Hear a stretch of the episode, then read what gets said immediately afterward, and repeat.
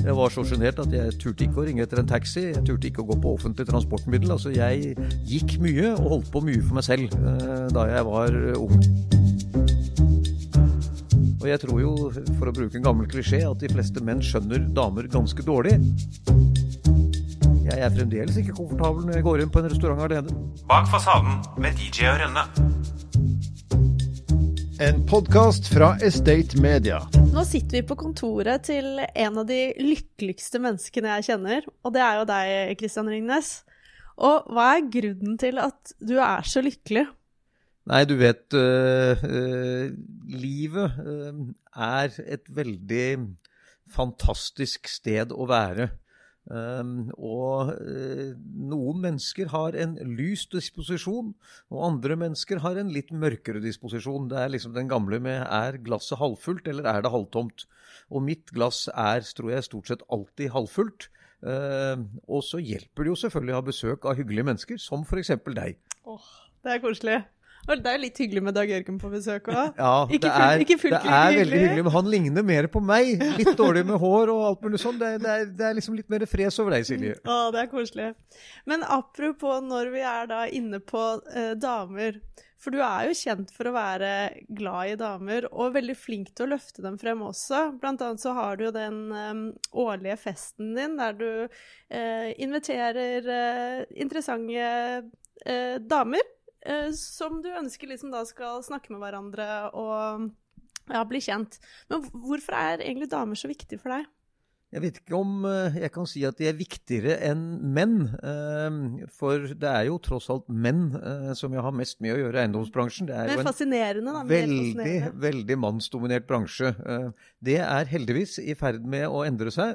Hvis man ser på de yngre som er på vei inn i bransjen, så er det mange profilerte, flotte, dyktige kvinner.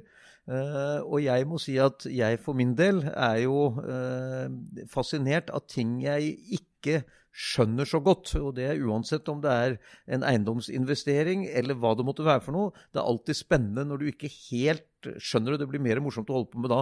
Og jeg tror jo, for å bruke en gammel klisjé, at de fleste menn skjønner damer ganske dårlig.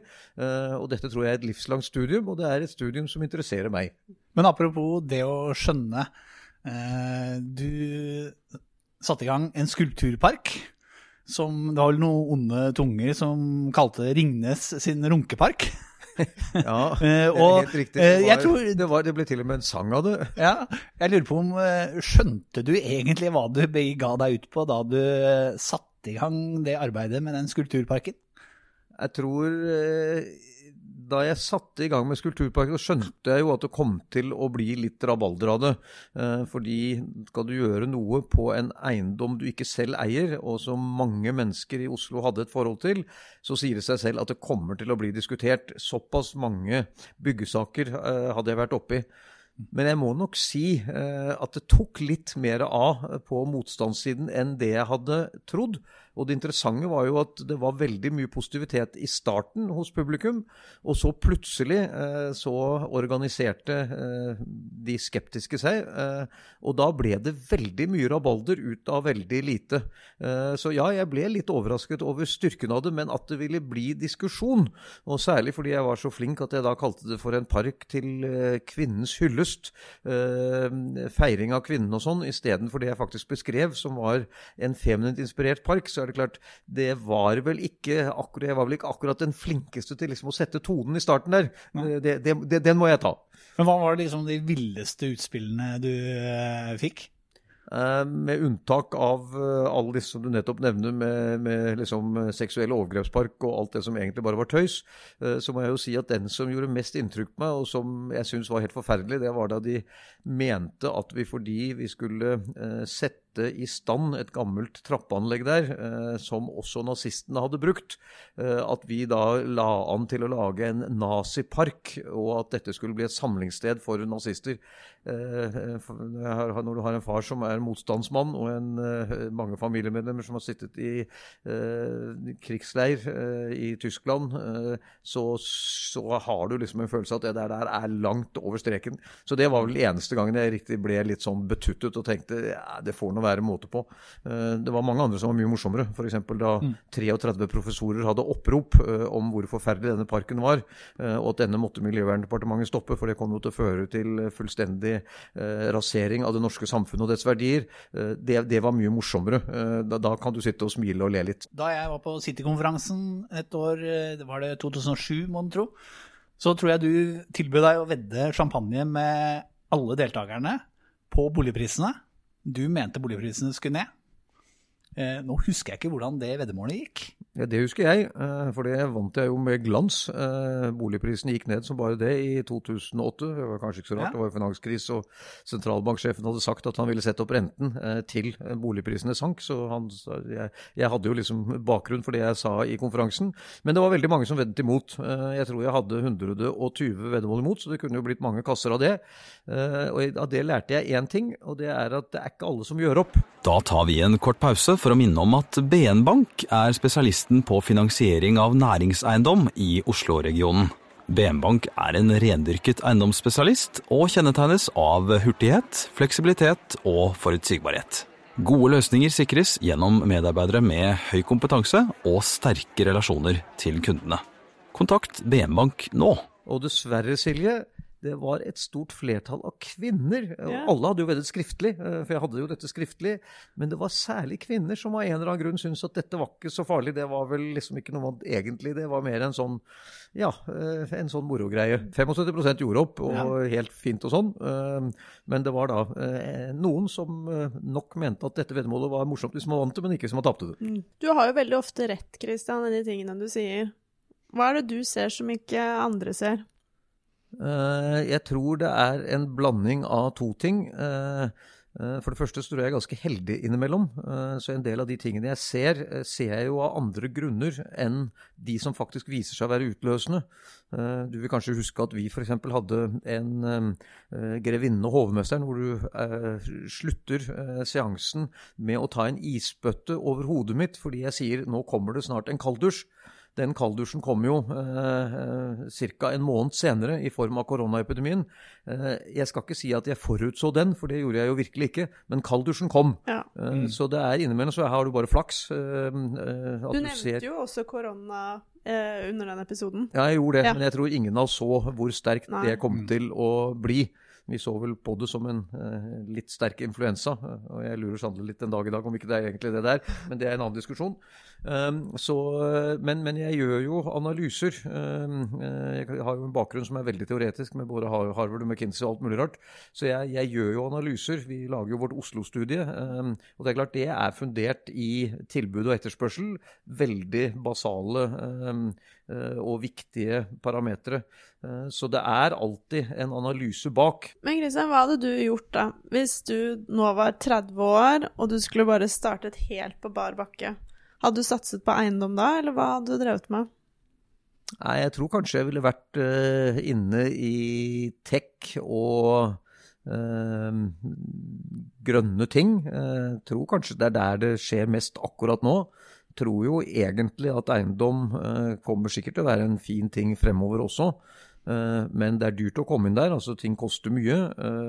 Og den største verdidriveren, som er et rentefall fra 15% rente for 30 år siden med ca. et halvt prosent i året, sånn jevnt og trutt, eh, som er den eneste store kostnaden i eiendom, er jo kapitalkostnaden, rentekostnaden.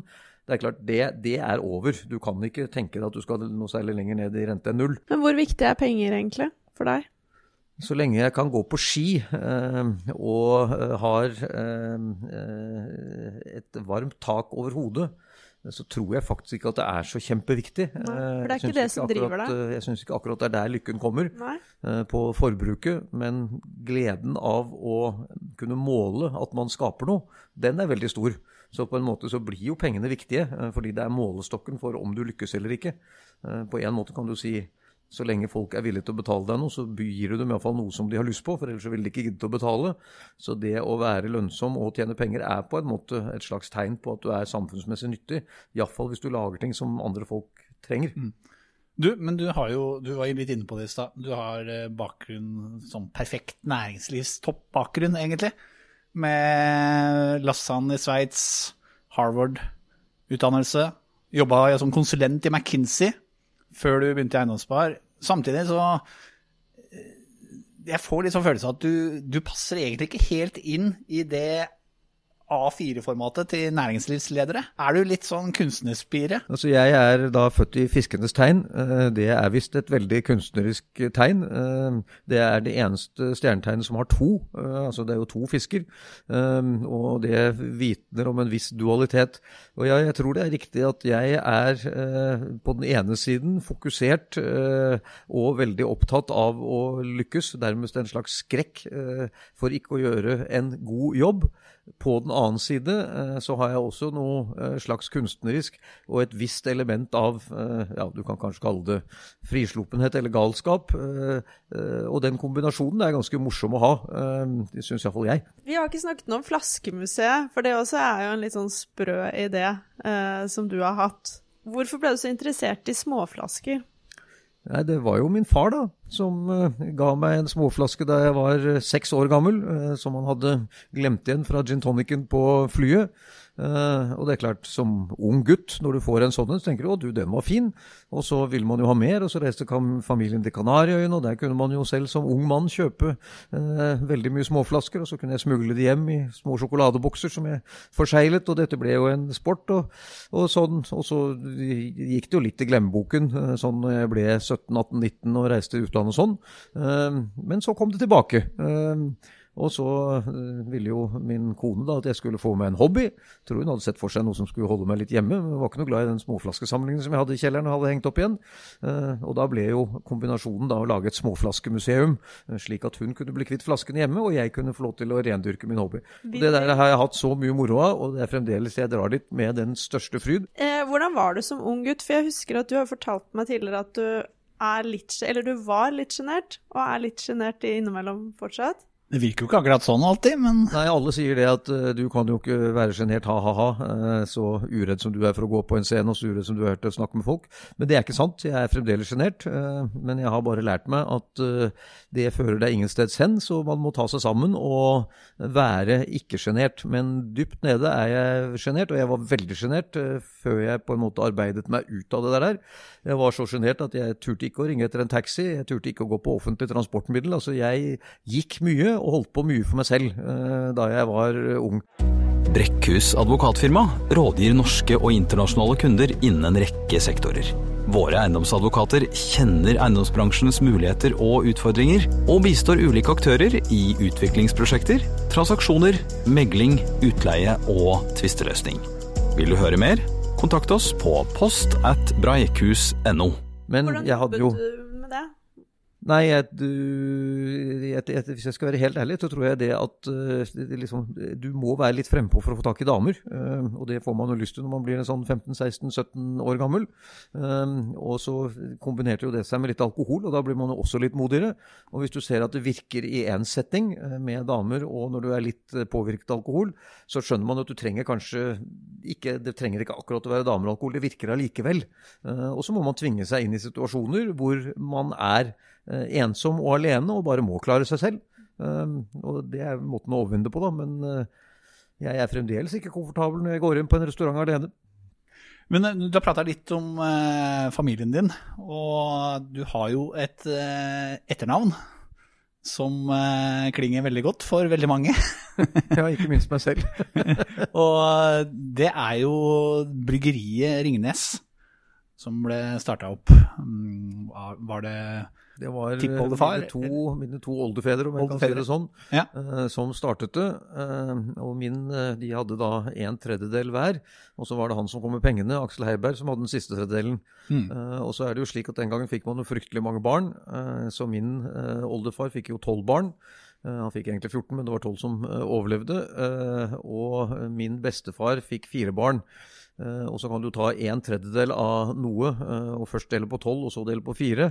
Eh, og så kan du jo da tenke hvor mye som var igjen av Ringnes Bryggeri i min fars generasjon.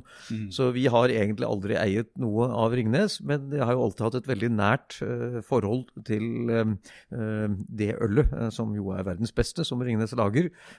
Så derfor så har jeg på en måte alltid holdt meg nær bryggeriet. Ja. Og nå eier jeg jo til og med bygningen som Ringnes administrasjon sitter i, og hvor hvor man brygget øl i gamle dager, og hvor Ringenes pubhus er og alt mulig rart. Så jo, jeg har et, et stort uh, følelsesmessig forhold til bryggeriet, men dessverre ingen økonomiske interesser. Nei. Men noe jeg lurer på, Christian. Hvem er det som inspirerer deg, og hvem er det du har lært deg opp igjennom som du ser litt opp til? Eller ser du opp til noen? Absolutt. Eh, jeg har masse eh, rollemodeller. Jeg møter jo flinke mennesker hele tiden. Eh, men det fundamentale svaret er egentlig mine foreldre, og spesielt da min far. Jeg tror forholdet far-sønn er et dypt forhold uansett. Og det kan være veldig komplisert. I mitt tilfelle var det ikke det, men jeg hadde aldri noen tvil om at min far hadde store forventninger til at jeg skulle gjøre det beste jeg kunne. Og når jeg kom hjem og hadde gjort det bra på skolen, så var ikke gleden over det så stor, det var bare var du best i klassen. Ehm, men eh, på den annen side, jeg var jo en sjenert og underlig liten fyr, og jeg fikk sjansen til å vokse opp allikevel. Ehm, så eh, det var nok en blanding av klokskap og forventning der. Eh, og jeg drømmer fremdeles drømmer, senest i natt, om mine foreldre. Og det er veldig ofte et eller annet som jeg da har begitt meg ut i, bra eller dårlig, hvor de på en måte blir de personene som vurderer det i mine drømmer. Jeg ser i ansiktene deres om de er skuffet, eller om de syns det er fint. Var de skuffa i natt? Nei, det, det, det, tror jeg faktisk jeg kan si at min mor var litt eh, For hun syntes ikke jeg hadde hjulpet helt godt nok til. Mens min far, som da eh, holdt på med et hus hvor det ble tatt ned noen ledninger og sånn, han syntes dette var fantastisk. Eh, så det var, i natt var det blant deg veldig ofte omvendt at ja. min mor er gladere enn min far.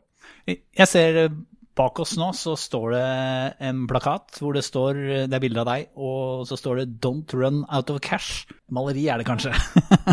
Ja, dette var det en ung mann eh, som går på BI, som skal bli gallerist. Veldig kunstinteressert. Han kjenner da mange kunstnere, så han kom hit. Eh, eh, og helt ute av det blå så dro han frem dette maleriet og det der borte, som er av tusenlappen. Eh, begge to da med meg på. Eh, og sa at dette var noe jeg skulle få hvis jeg kunne gi han noen gode råd. Så sa jeg jeg vil gjerne gi deg gode råd, men jeg må jo betale for dette. Og så har jeg betalt lite grann, eh, og nå står den der. og jeg har jo også enorm glede av denne. jeg bruker den også som solskjerm, for den er at solen inn der. Så den har en dobbel funksjon. Eh, men eh, folk legger jo merke til den, og grunnlaget der eh, det var det jeg lærte mest og viktigst på Harvard. Don't run out of cash. Det er når du ikke kan betale regninger, det er da du får problemer. Så dårlig soliditet er greit, men du må ha cash. Men Christian, når er vi tilbake til å sitte ute på uteservering, drikke øl og kose oss igjen, tror du? Jeg husker jo at vi drakk en øl i sommer da ja. vi åpnet opp eh, restauranten igjen, rett og slett bare for å feire det. Eh, men eh, jeg tror kanskje ikke det tar så veldig lang tid, Nei. for nå er vi jo nede på i prinsipp veldig lave smittetall. De som blir smittet er jo yngre, så belastningen på sykehussystemet er ikke så stor. Vaksinene er i ferd med å rulle ut. Jeg tror alle har lyst på Moderna Pfizer-vaksiner istedenfor AstraZeneca, men det er en annen sak. Så der kommer det kanskje til å bli noe klødder. Men eh, jeg tipper at i sommer så sitter vi igjen eh, glade, eh, og kanskje til og med uten munnbind, og drikker ufattelig mengde med Ringnes øl for å feire at vi nå tilsynelatende er gjennom dette. Men her er usikkerheten stor. Altså, det kan komme nye mutanter, og du aner jo ingenting egentlig. Jeg håper at du har rett. vi regner med det. Bak fasaden med DJ og Rønne.